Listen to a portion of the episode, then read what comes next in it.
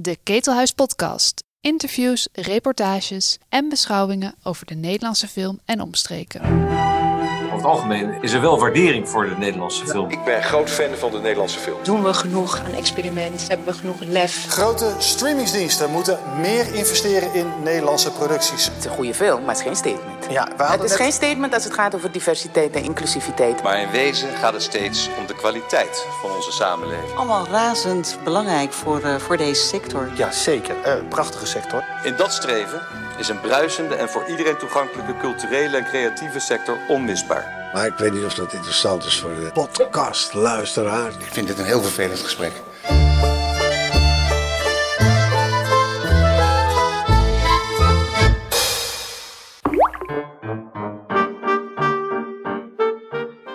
Geen mens in Cannes kwam zonder rode ogen de zaal uit bij de film Close van de 31-jarige regisseur Lucas Dont. Het gaat over Remy en Leo, twee jongens van 13 jaar die met elkaar opgroeiden in een plattelandsdorpje. Maar als ze naar de middelbare school gaan, wordt opeens met argwaan gekeken naar hun vriendschap. Aanrakingen, die bij vriendinnetjes heel normaal zijn, vinden buitenstaanders voor jongens maar vreemd en dat drijft de jeugdvrienden uit elkaar. Het is Dons tweede film. Met zijn eerste Girl over een jonge transgender ballerina maakte hij al een zegentocht langs de festivals. Is zo mogelijk een nog groter succes. Nadat de film in Cannes de Grand Prix won, volgde de ene prijs naar de andere en inmiddels wordt er al gespeculeerd over Oscar-kansen. Ik snoepte 45 minuten van zijn kostbare tijd en ik sprak met Dont over mannelijkheid, over zijn dolfijne basisschool, het regisseren van subtiele handbewegingen en het meesterwerk Titanic. Zo, Lucas, je bent een druk bezet man.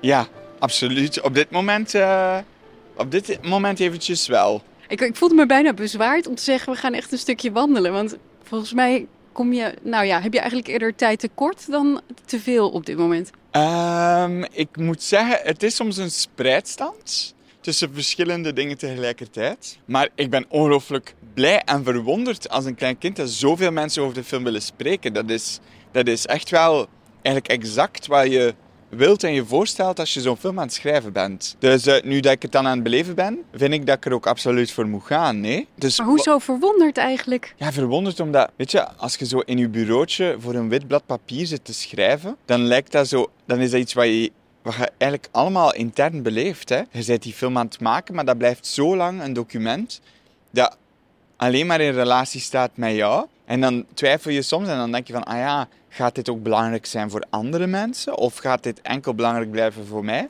En dan deel je die film met de wereld. We hebben die film natuurlijk mogen delen op het filmfestival van Cannes, wat heel bijzonder is. Tussen filmmakers zoals David Cronenberg, Kelly Reichardt, Claire Denis. En dan merk je direct van, oh wauw, ja, die film die gaat dus ook wel, die blijkt dus ook wel echt belangrijk voor anderen.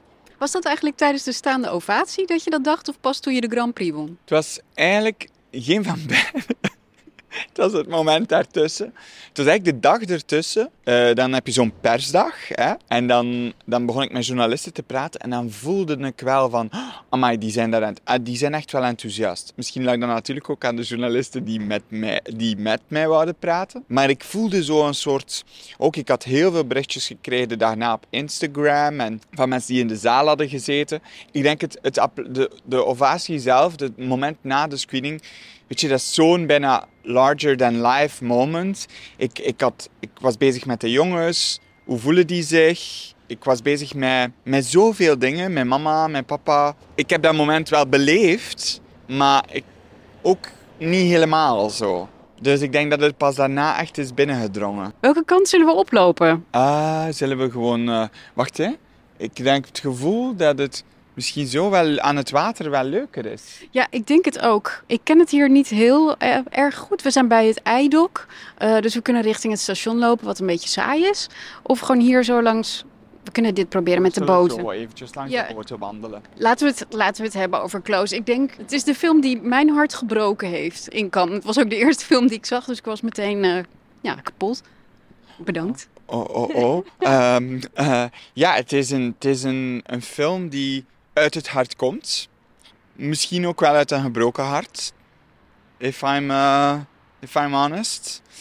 Dus, ehm, dus ik ben, ja, ik vind, ben wel blij. Allee, blij, ik weet niet of blij het juiste woord is. Ik vind het wel mooi dat je dat zo zegt. En ik denk dat het een film is ehm, die over het leven gaat. Alle, alle grote emoties van het leven.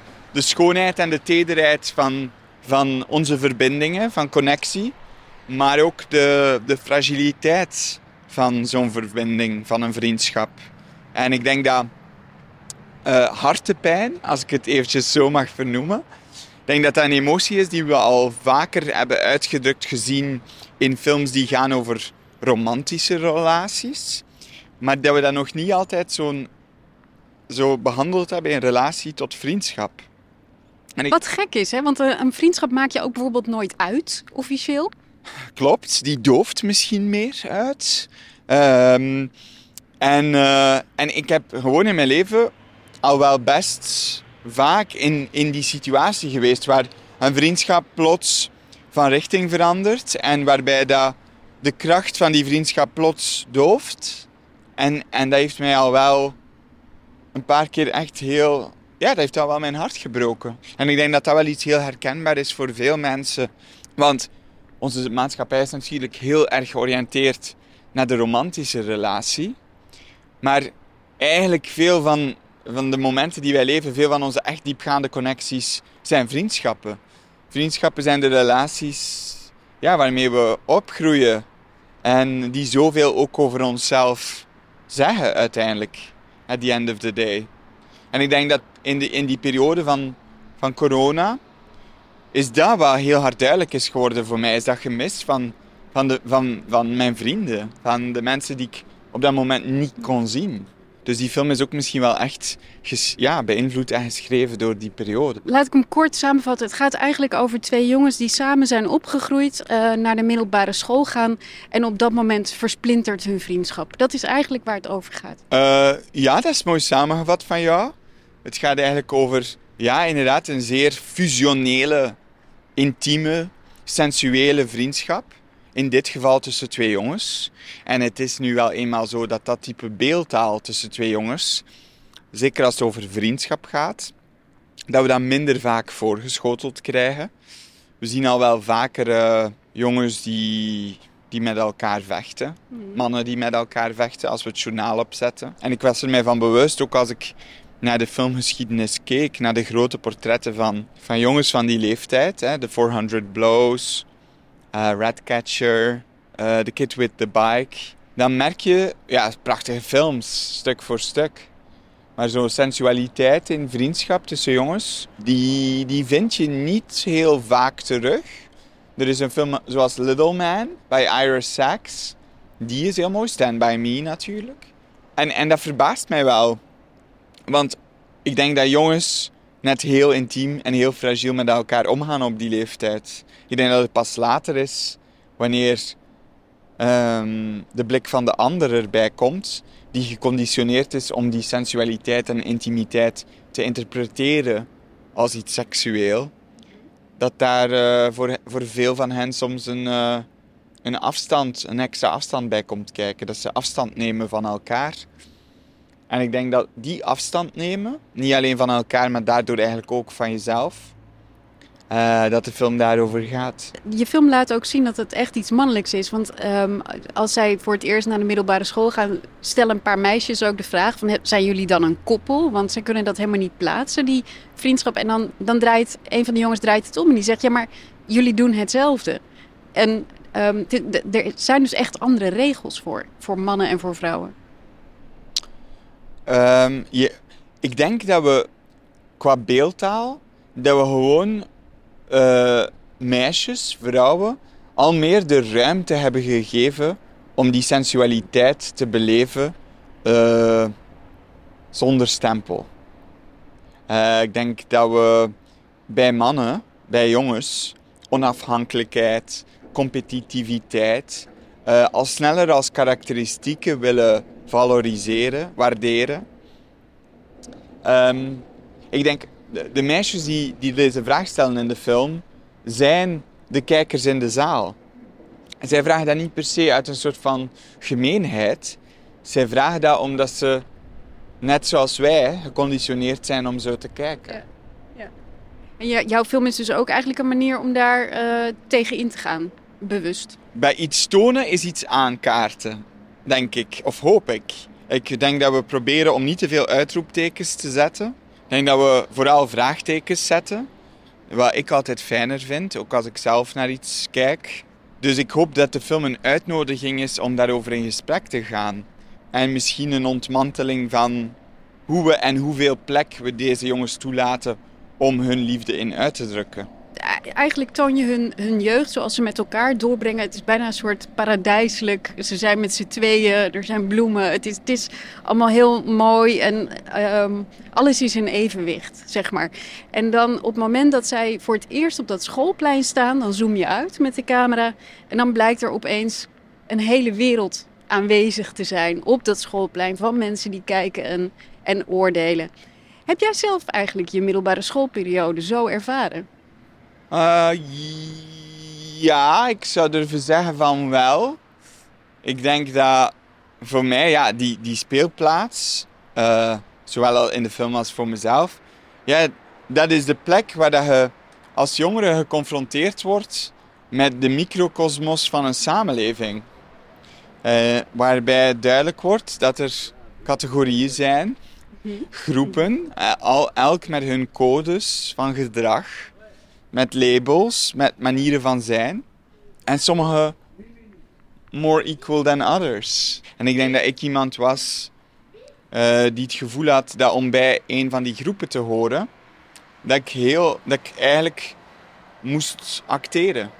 Uh, omdat die codes, dat ik voelde van, ah, ik, ik, die, die, die wringen met mijn persoonlijkheid. Dus als jongere ben ik echt wel beginnen de mensen rondom mij heel goed observeren uh, en, en uiteindelijk ook kopiëren. Uh, ik denk dat daar uh, zullen veel mensen zich natuurlijk elk met hun eigen struggeltje in herkennen. Want als je jong bent, wil je natuurlijk ook, of velen van ons, heel graag bij een groep horen. En dan verloochen je jezelf soms. dit is gewoon een jungle. Dus ja, ik herken wel heel hard die sfeer van zo uh, te willen bestaan en ergens bij te willen horen op zo'n groot, in zo'n grote groep mensen.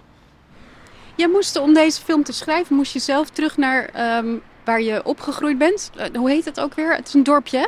Dikkelvenne. Dikkelvenne, ja. Uh, hoeveel, ik, volgens mij, ik had opgezocht op Wikipedia, volgens mij iets van 2100 inwoners. Dat zou wel eens zeer goed kunnen. Dat heel klein, hè? het, is een, het is een heel klein uh, plattelandsdorpje in, uh, in Vlaanderen. Het is, ja, het is een fantastische, mooie plek. Uh, waar mijn grootmoeder nog altijd woont, onder de kerktoren. Mm. Ze ziet de kerktoren vanuit haar keuken.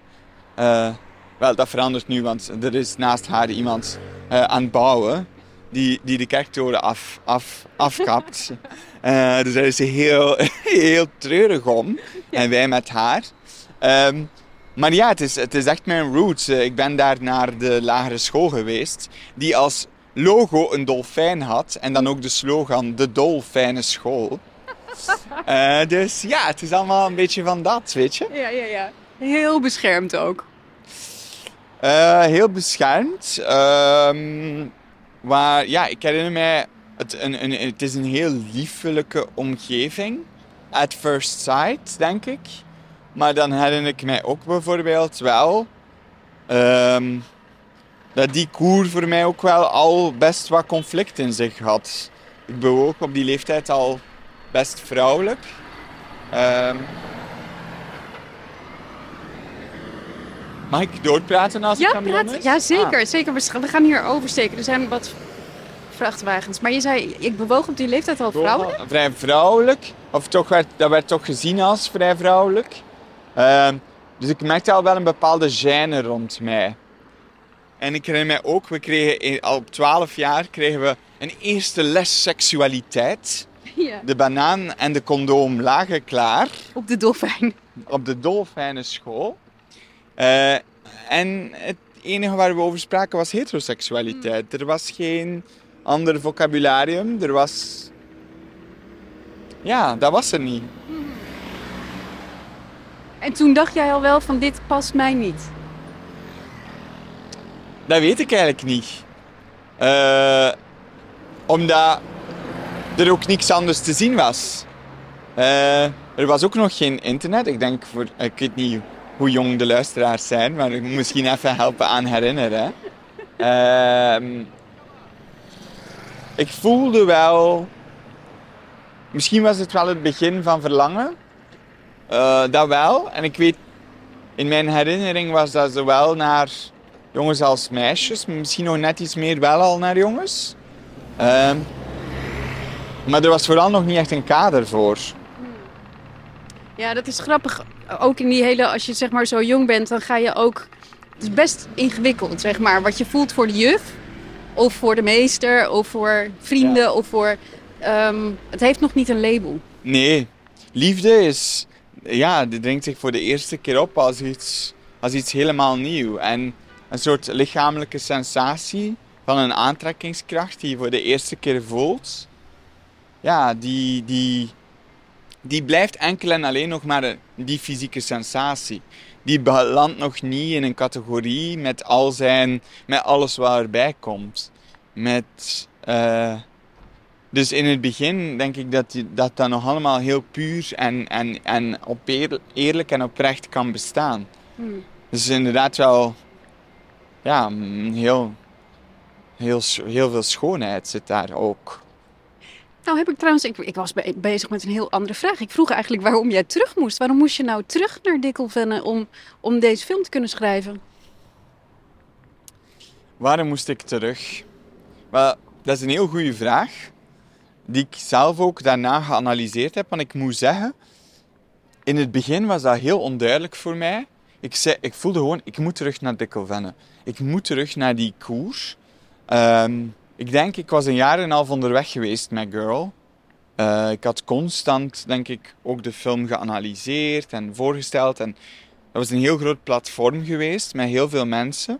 En ik had het gevoel dat om terug te kunnen schrijven, want in het begin zat ik aan mijn bureau letterlijk te staren naar een wit blad papier en er kwam heel weinig. En er was ook heel veel onzekerheid. En ik had plots gewoon het gevoel van, ik moet, ik moet iets fysiek doen. Ik moet een soort fysieke beweging maken, een terugkeer.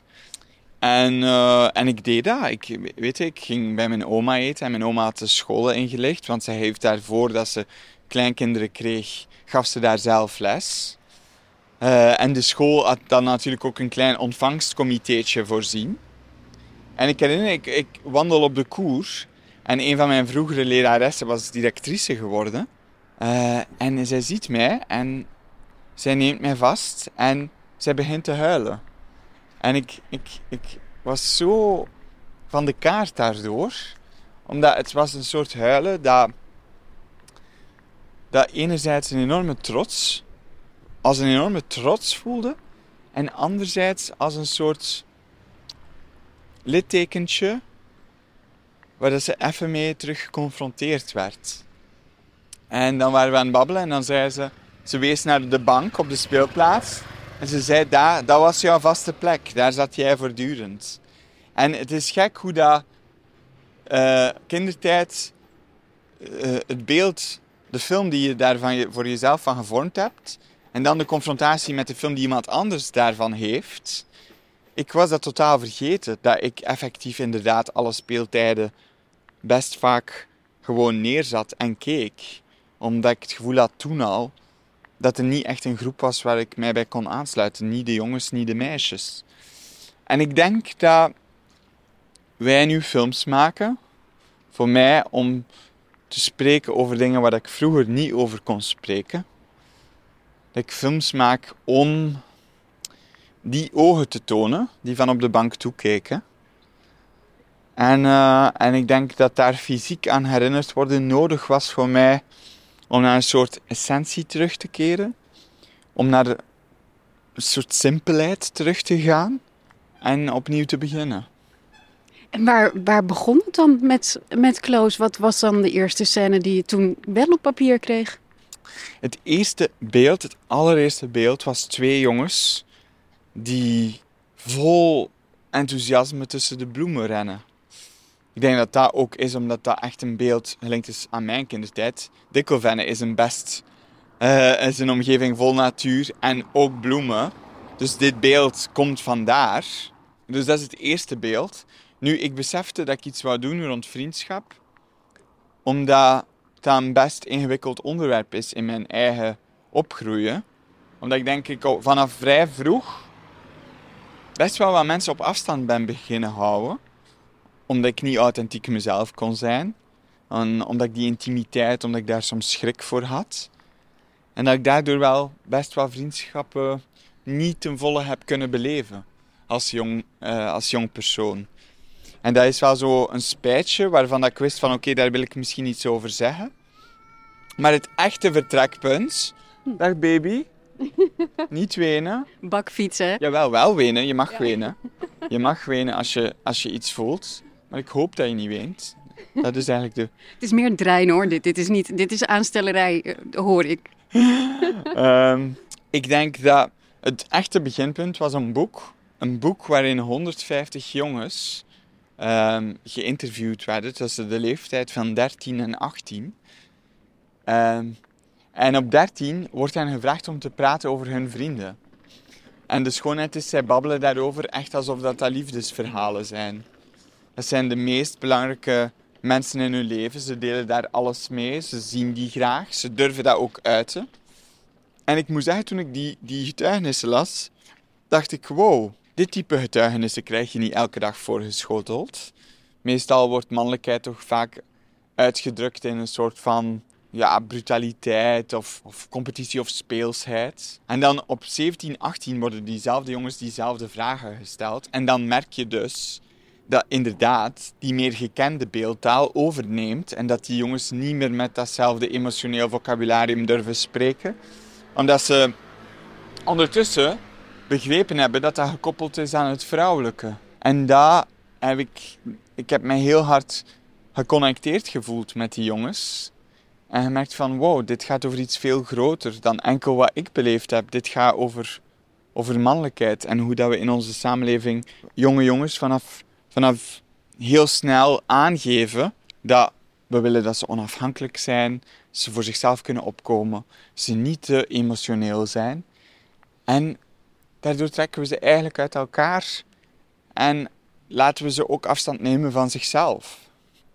Nou, we doen ze ook tekort. We hebben het heel vaak over vrouwelijkheid en, en de manier waarop dat neergezet wordt en hoe dat beperkend kan zijn. Maar um, over mannelijkheid gaat het in ieder geval, als het over films gaat, uh, minder vaak. Terwijl het wel echt een, een heel belangwekkend uh, onderwerp is, denk ik. Maar we hebben, we hebben inderdaad we hebben een fantastische, denk ik, feministische beweging. Die natuurlijk al lang bezig is, maar die op dit moment ook echt luid is en schoon. Die natuurlijk ook bepaalde patronen van een soort toxisch gedrag gelinkt aan mannen ontmantelt en daardoor ook blootlegt. Um, en ik denk vooral, we hebben mannen die met elkaar uh, in conflict gaan, die vechten. We made it into entertainment. Uh, het, is, het is als we naar, naar films kijken, en zeker grote films, en ik, ik kijk zelf ook graag actiefilms. Um, maar it's a, it's a way of entertaining. It's an entertainment form. Uh, het is ook deeply rooted in Amerikaanse cultuur natuurlijk. De Marlboro Man, de cowboy, de... En ik denk dat um, andere vormen van, van man zijn, dat die, dat die exotischer zijn om te zien. Dat die ons minder snel bereiken. Eh, en dat we daar minder snel uh, ja, beeldtaal van te zien krijgen. Dus ik denk inderdaad, het voelt alsof we, wel, alsof we daar wel aan moeten werken. Dat jij zo aan de rand van dat schoolplein zat en zat te bekijken van wat, wat mannelijk moest zijn of doorging voor mannelijk en vrouwelijk en dat je nergens bij paste, heeft er natuurlijk ook voor gezorgd dat jij bijna een expert bent in lichaamstaal, gedragingen.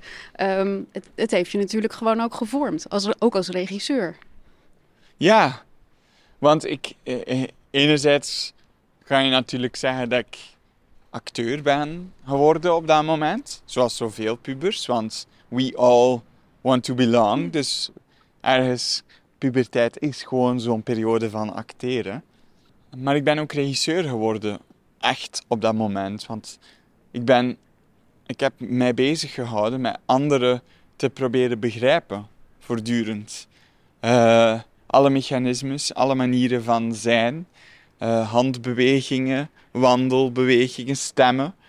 Dus ik ben dat observeren en dat luisteren, dat is iets wat je absoluut nodig hebt als schrijver, natuurlijk ten eerste, maar dan ook als filmmaker. En dat is wel iets wat ik meeneem uit, uit dat moment, uit die periode. Kun je dat eigenlijk moeilijk, kan je dat moeilijk overbrengen op een acteur? Ik, die, die, die bewegingen of die, die manieren van, uh, van kopiëren? Ja, het is, eh, ik ben even aan het kijken, want anders komen we misschien nooit meer terug. We zijn naar, het over, naar de overkant gewandeld. Interessant. Ik denk dat we misschien zo terug. Ja, we lopen gewoon weer terug. Um, kan je daar gemakkelijk oh ja, Of je dat gemakkelijk als regisseur kan, omdat het iets is wat eigenlijk um, niet in woorden uit te drukken is. Een handbeweging. Goh, ik, heb, ik denk dat dat iets is dat vaak met personage komt. Ik, als je dit nu zegt, denk ik direct, ik heb de kans al gekregen om de nieuwe film met Kate Blanchett te zien, Tar, waarin mhm. zij um, een dirigent speelt. Natuurlijk zijn handbewegingen daar cruciaal. Niet alleen in de scènes waar er muziek gespeeld wordt, maar ook hoe beweegt zo iemand haar handen in de scènes uit het dagelijks leven. En dat is wel ongelooflijk bijzonder. En dan kan ik mij inbeelden dat je daar wel, dat dat wel iets is wat je leert, dat je ziet, dat je gebruikt, uit, eh, geïnspireerd door effectieve voorbeelden van dirigenten. Dus ik denk acteren is niet enkel uh, een soort emotionele toestand. Ik denk, ik, acteren is ook een lichamelijke taal. Ik wou zelf altijd danser worden voordat ik filmmaker wou worden. Dus ik denk dat ik mijn acteurs vaak als dansers... Ik kies vaak dansers. Hmm. Maar dat ik ook vaak hen als dansers aanwijzingen geef. Dus heel fysiek. Dus handbewegingen en manieren van lopen zijn daar wel zijn daar zeker aan gekoppeld. Ja, maar je hebt, kijk, Kate Blanchett is gewoon een, een hele goede actrice die al heel erg lang uh, geoefend is ook. Maar jij hebt um, jongens die dat niet zijn. En die ook nog helemaal in dat hele proces zitten van hun eigen lichaam. Gewoon überhaupt daarin in landen. Ja, dat klopt. Dat klopt. En ik heb en natuurlijk als je met jonge mensen werkt. Dan zoek je tijdens de casting ook ergens naar iemand waarvan je voelt... Oké, die persoon die is echt wel in resonantie met de rol. Eden is niet Leo, Gustav is niet Remy, maar ze delen wel iets. En, en dat is iets waar je wel naar zoekt als je cast. Omdat er dingen zijn die je kan regisseren inderdaad bij jonge mensen. En er zijn ook dingen die gewoon zijn. Voor mij, als je met jonge mensen werkt, zijn zij altijd een klein beetje co-auteur. Want uh, zelfs al geef je aan een kader en, en een richting, iemand jong die die doet alles voor de eerste keer en staat nog heel hard in contact met wat er van binnen gebeurt. Dus put daar ook heel hard uit. Waar iemand als Kate Blanchett natuurlijk transformeert van rol naar rol en echt de techniek heeft om in de huid van iemand anders te kruipen. Je kiest dus, um, je film Girl ging, ging over, over Lena, een ballerina die geboren is in het lichaam van een man um, en graag vrouw wil zijn. Um, dit zijn ook jonge jongens. Wat is er aan die puberteit die jou dan trekt? Is dat dat het inderdaad die worsteling is met dat, met dat lijf, met dat lichaam? Um, ik denk dat het verschillende dingen zijn. Natuurlijk allemaal gekoppeld aan het vormen van een identiteit. En want het is die verhouding, het is voor de eerste keer geconfronteerd worden met de wereld, de onderverdelingen in deze wereld, en dan je daar tegenover moeten verhouden. Ik denk in Girl is inderdaad de relatie met het lichaam daarin heel belangrijk.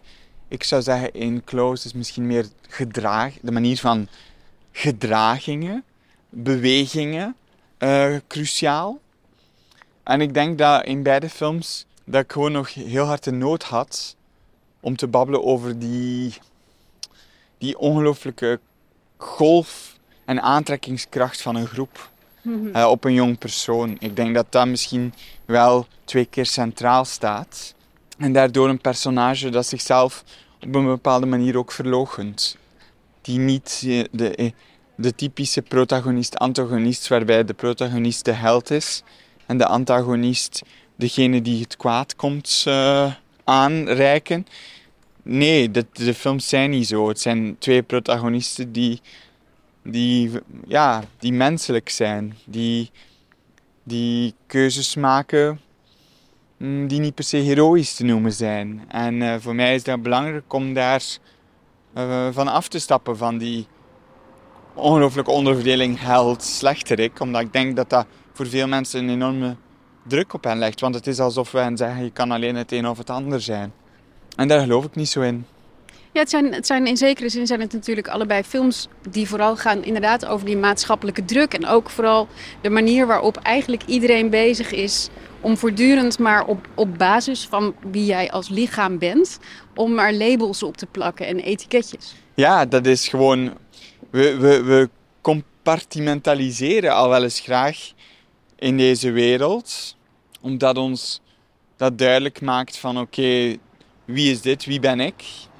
En ik denk dat we vooral in een samenleving leven die zowel van, van links als van rechts probeert aan te geven op welke plekken dat we net anders zijn. En ik hoop dan toch met de films die we maken om net te zoeken naar die zaken, die onderwerpen die ons, die ons met elkaar verbinden, die ons connecteren. Het mooiste compliment dat ik ooit op Girl heb gekregen, ik heb er veel gekregen, maar was van een man van 80 die zei dat hij zich ongelooflijk in het personage herkende, omdat die relatie met het lichaam um, voor hem ook zo complex was geworden. En dat is natuurlijk mooi, dat je daar ergens ook een soort van brug maakt uh, met iemand die niet concreet fysiek het personage is. Ik denk dat we een soort. We, we, we zijn aan een ongelooflijk interessant gesprek bezig over het feit dat gedurende heel lang één bepaalde groep heel veel heeft gesproken en dat we nu meer opening creëren voor een soort diversiteit, voor meer verschillende stemmen die ook andere types verhalen brengen. En ik denk dat dat een fantastische juiste beweging is. Niet te verwarren met dat we enkel en alleen over exact de fysieke vorm die, we, die wij, uh, de verteller, hebben, kunnen spreken, denk ik. Dus dat is zo'n beetje een, een, een, dualiteit, denk ik, op dit moment die, die, aan het die onderzocht wordt en die ja, een heel interessant moment in de tijd oplevert, natuurlijk. Je zegt dit, maar dit, dit is natuurlijk een van de dingen. Ik bedoel, Girl is de wereld overgegaan, deed ook mee voor de Oscars. Was voor jou een. Uh, kwam daarmee ook meteen onder een soort vergrootglas te liggen. En het was, de kritiek op jou was: jij kan niet een film maken over iemand in transitie. Uh, je acteur had iemand moeten zijn die zelf in transitie is of heeft doorgemaakt. Um, hoe was dat? Interessant omdat je maakt iets, je zet iets in de wereld natuurlijk vanuit, vanuit jouw perspectief. En dan een, een werk is ook een stuk waarover gedialogeerd wordt. Zeker een werk waarbij dat je een onderwerp, personage aansnijdt met een maatschappelijke relevantie. Dus die dialoog en die de verschillende perspectieven daar rond niet omarmen, niet uh, proberen begrijpen, zou, zou er, ergens gek zijn. Want de film is natuurlijk ook daar een onderdeel, wil daar ook een onderdeel van zijn. Dus ik denk dat dat was ergens wel echt een heel interessante periode. Uh, met moeilijkere momenten natuurlijk. Wat ik soms verwarrend vind, is dat mensen mij soms nu kunnen zeggen van... Ah, deze film is wel, lijkt persoonlijker. Mm -hmm. Close dan. En dan denk ik, nee, ze zijn allebei even persoonlijk. Het is niet omdat Lara niet letterlijk ik ben, dat die film niet over mij spreekt. Net heel hard, denk ik. Uh, even hard als Leo over mij spreekt. Er is geen... Leo lijkt misschien meer op mij, letterlijk, fysiek. Maar dat is de nuance die ik daarnet zeg. Daarom is het niet minder of meer een film over mij. Dus dat is denk ik... Uh, dat is denk ik de nuance. Maar natuurlijk, weet je, ik herinner mij, ik was 15 en ik zag twee cowboys die verliefd werden op elkaar in de cinema, Brokeback Mountain. Het was een van de eerste keren voor mij dat ik zo'n film zag waarin, waarin dat, dat verlangen werd uitgedrukt op het scherm in een grote Amerikaanse productie. En dat is belangrijk, want er zijn natuurlijk niet evenveel films op zo'n moment dan de heteroseksuele romantische relaties. Eh, wat die ik ook heel graag zag.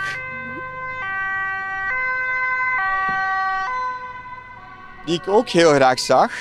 Maar ja, waar ik misschien ergens minder dat verlangen in terugvond dat ik voelde. Dus je weet hoe belangrijk het is om een document te zien waarin dat je jezelf gezien voelt en herkent.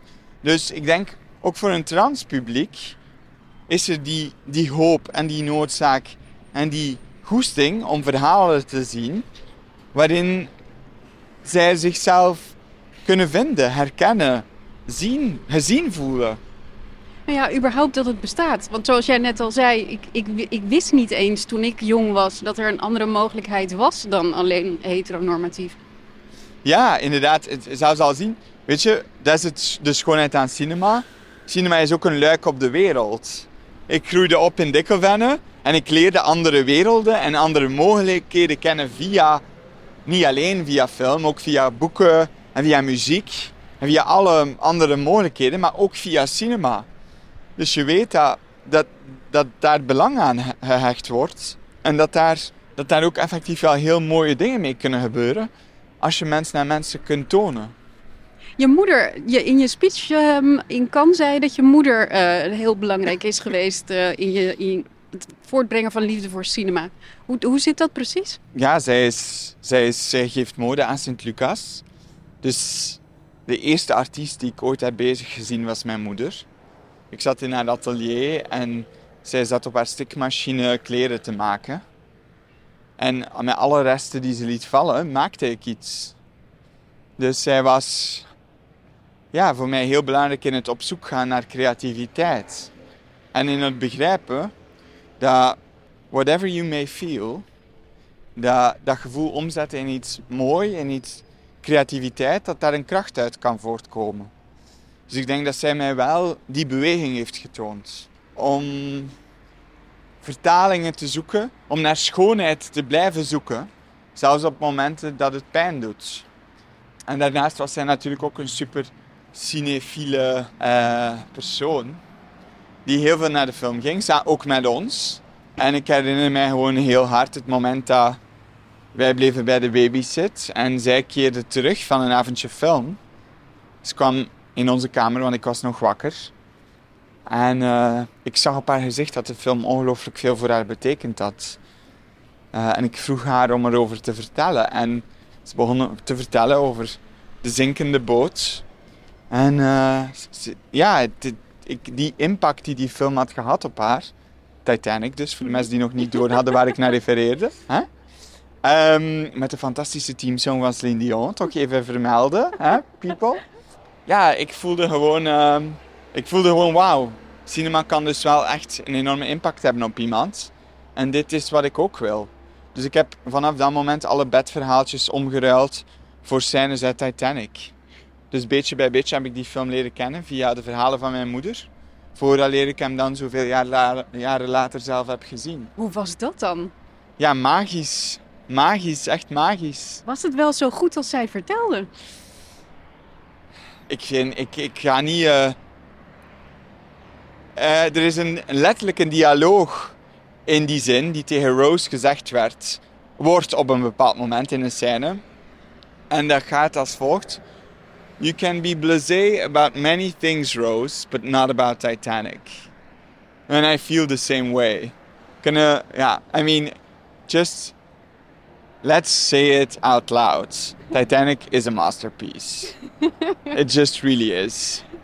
Um, toch had je daarvoor, daarvoor maakte jij zelf ook al filmpjes. Wat, was, wat wilde je dan daarvoor bereiken? Is dat dan een. Um, want jij maakt heel veel filmpjes met je broer, hè, toch?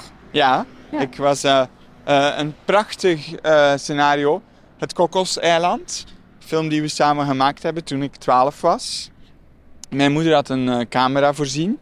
En ik maak, bouwde decors en schreef kleine dingen of verzinde kleine scenariootjes.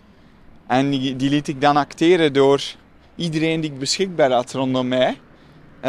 soms op familiefeesten waren dat 12 neven en nichten fantastisch.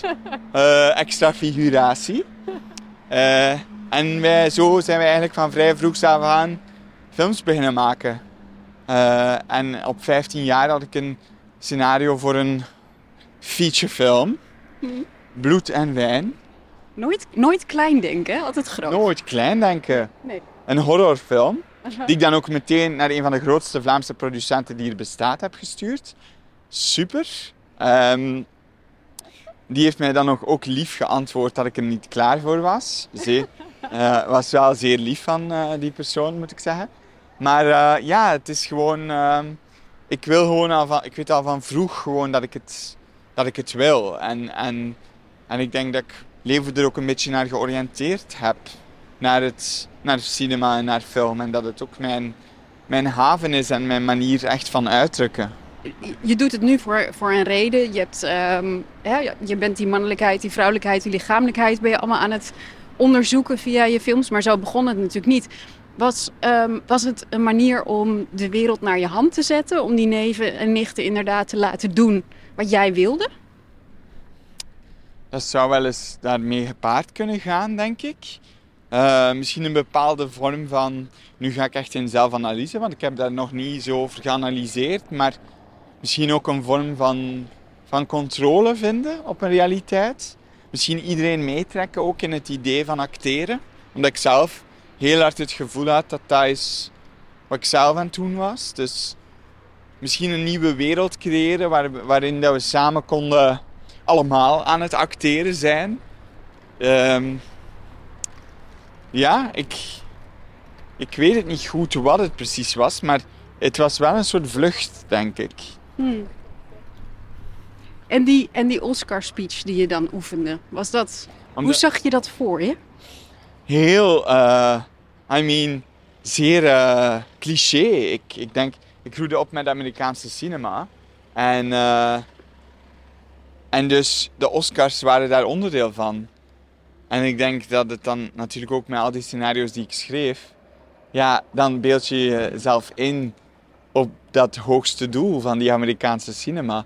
Dus ik beelde mij dan ook echt in, gewoon met bloed en wijn, als een Oscar-nominee. Zo ver ging het wel. Ja, Met dank aan nonkel eh, die en die. ja met dank aan eh, onkel Geert en tante Isabel en eh, scenario by the one and only.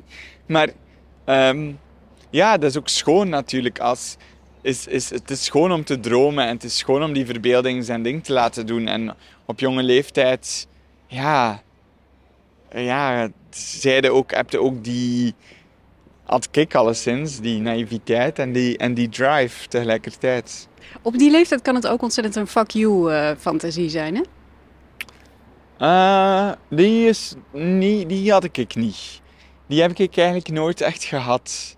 Ehm, nee, ik denk dat ik meer naar binnen keerde dan. En, en meer zo... Dat er allemaal dingen aan het imploderen waren in mij. Maar ik heb nooit echt zo'n fuck you veruitwendigd. Eh, ik ging ook naar de katholieke middelbare school. Elke dag in kaki groen. Yes, believe you me, in kaki groen. Ehm, dus daar was ook weinig plaats voor, voor rock and roll. Je, je ligt aardig nu op koers eh, met Close voor de Oscar. Ik wil het niet jinxen, dus jij wil het ook niet jinxen, zie je. Zeker niet. Nee, nee maar je, moet, je begint nu straks aan zo'n zo'n Oscar-campagne. Of ben je al begonnen? We zijn al begonnen. We zijn eind augustus hebben we de film voor de eerste keer voorgesteld in eh Telluride, dus de States. En sindsdien hebben we hem op verschillende festivals voorgesteld. En er komt wel vrij veel respons op. Dus, eh, maar ik wil inderdaad niks jinxen. Heb je er zin in, in dat circus? Nadat je dit allemaal al met Girl hebt gedaan. Weet je, een kinderdroom is altijd sterker dan jezelf. Zelfs al is de volwassen versie van mij, zelfs al is die misschien niet meer even present als toen dat die als kind daar was, heb ik het gevoel dat ik iets aan het doen ben waar de 13-jarige Lucas zeer blij om zou zijn. Dus ik, ik ben die een beetje aan het voeden nu. En wat doe je... Ja, ik wil het weer niet jinxen, maar stel nou dat. Dan ben je belachelijk jong.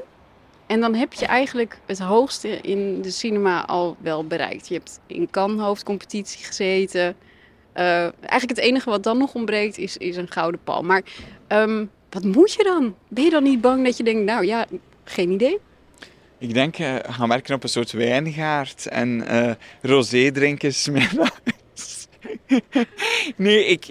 Weet je, ik... In all honesty, want het klinkt een beetje goedkoop misschien, maar het is echt niet de reden waarom dat we films maken. Ik maak echt films om de dingen te zeggen die ik eindelijk, waarvan ik eindelijk het gevoel heb dat ik ze kan zeggen. Dus voor mij persoonlijk is het een soort vrijheidskwestie. En ik, er zijn nog dingen die ik graag wil zeggen. Uh, die we graag willen zeggen, die we graag willen tonen. En, en ik ben er mij van bewust dat die soms dat je altijd je best doet om die onder zoveel mogelijk mensen te brengen en dat dat misschien niet altijd het geval zal zijn. Dus ik, ik omarm het feit dat dat misschien nu wel zo zou zijn.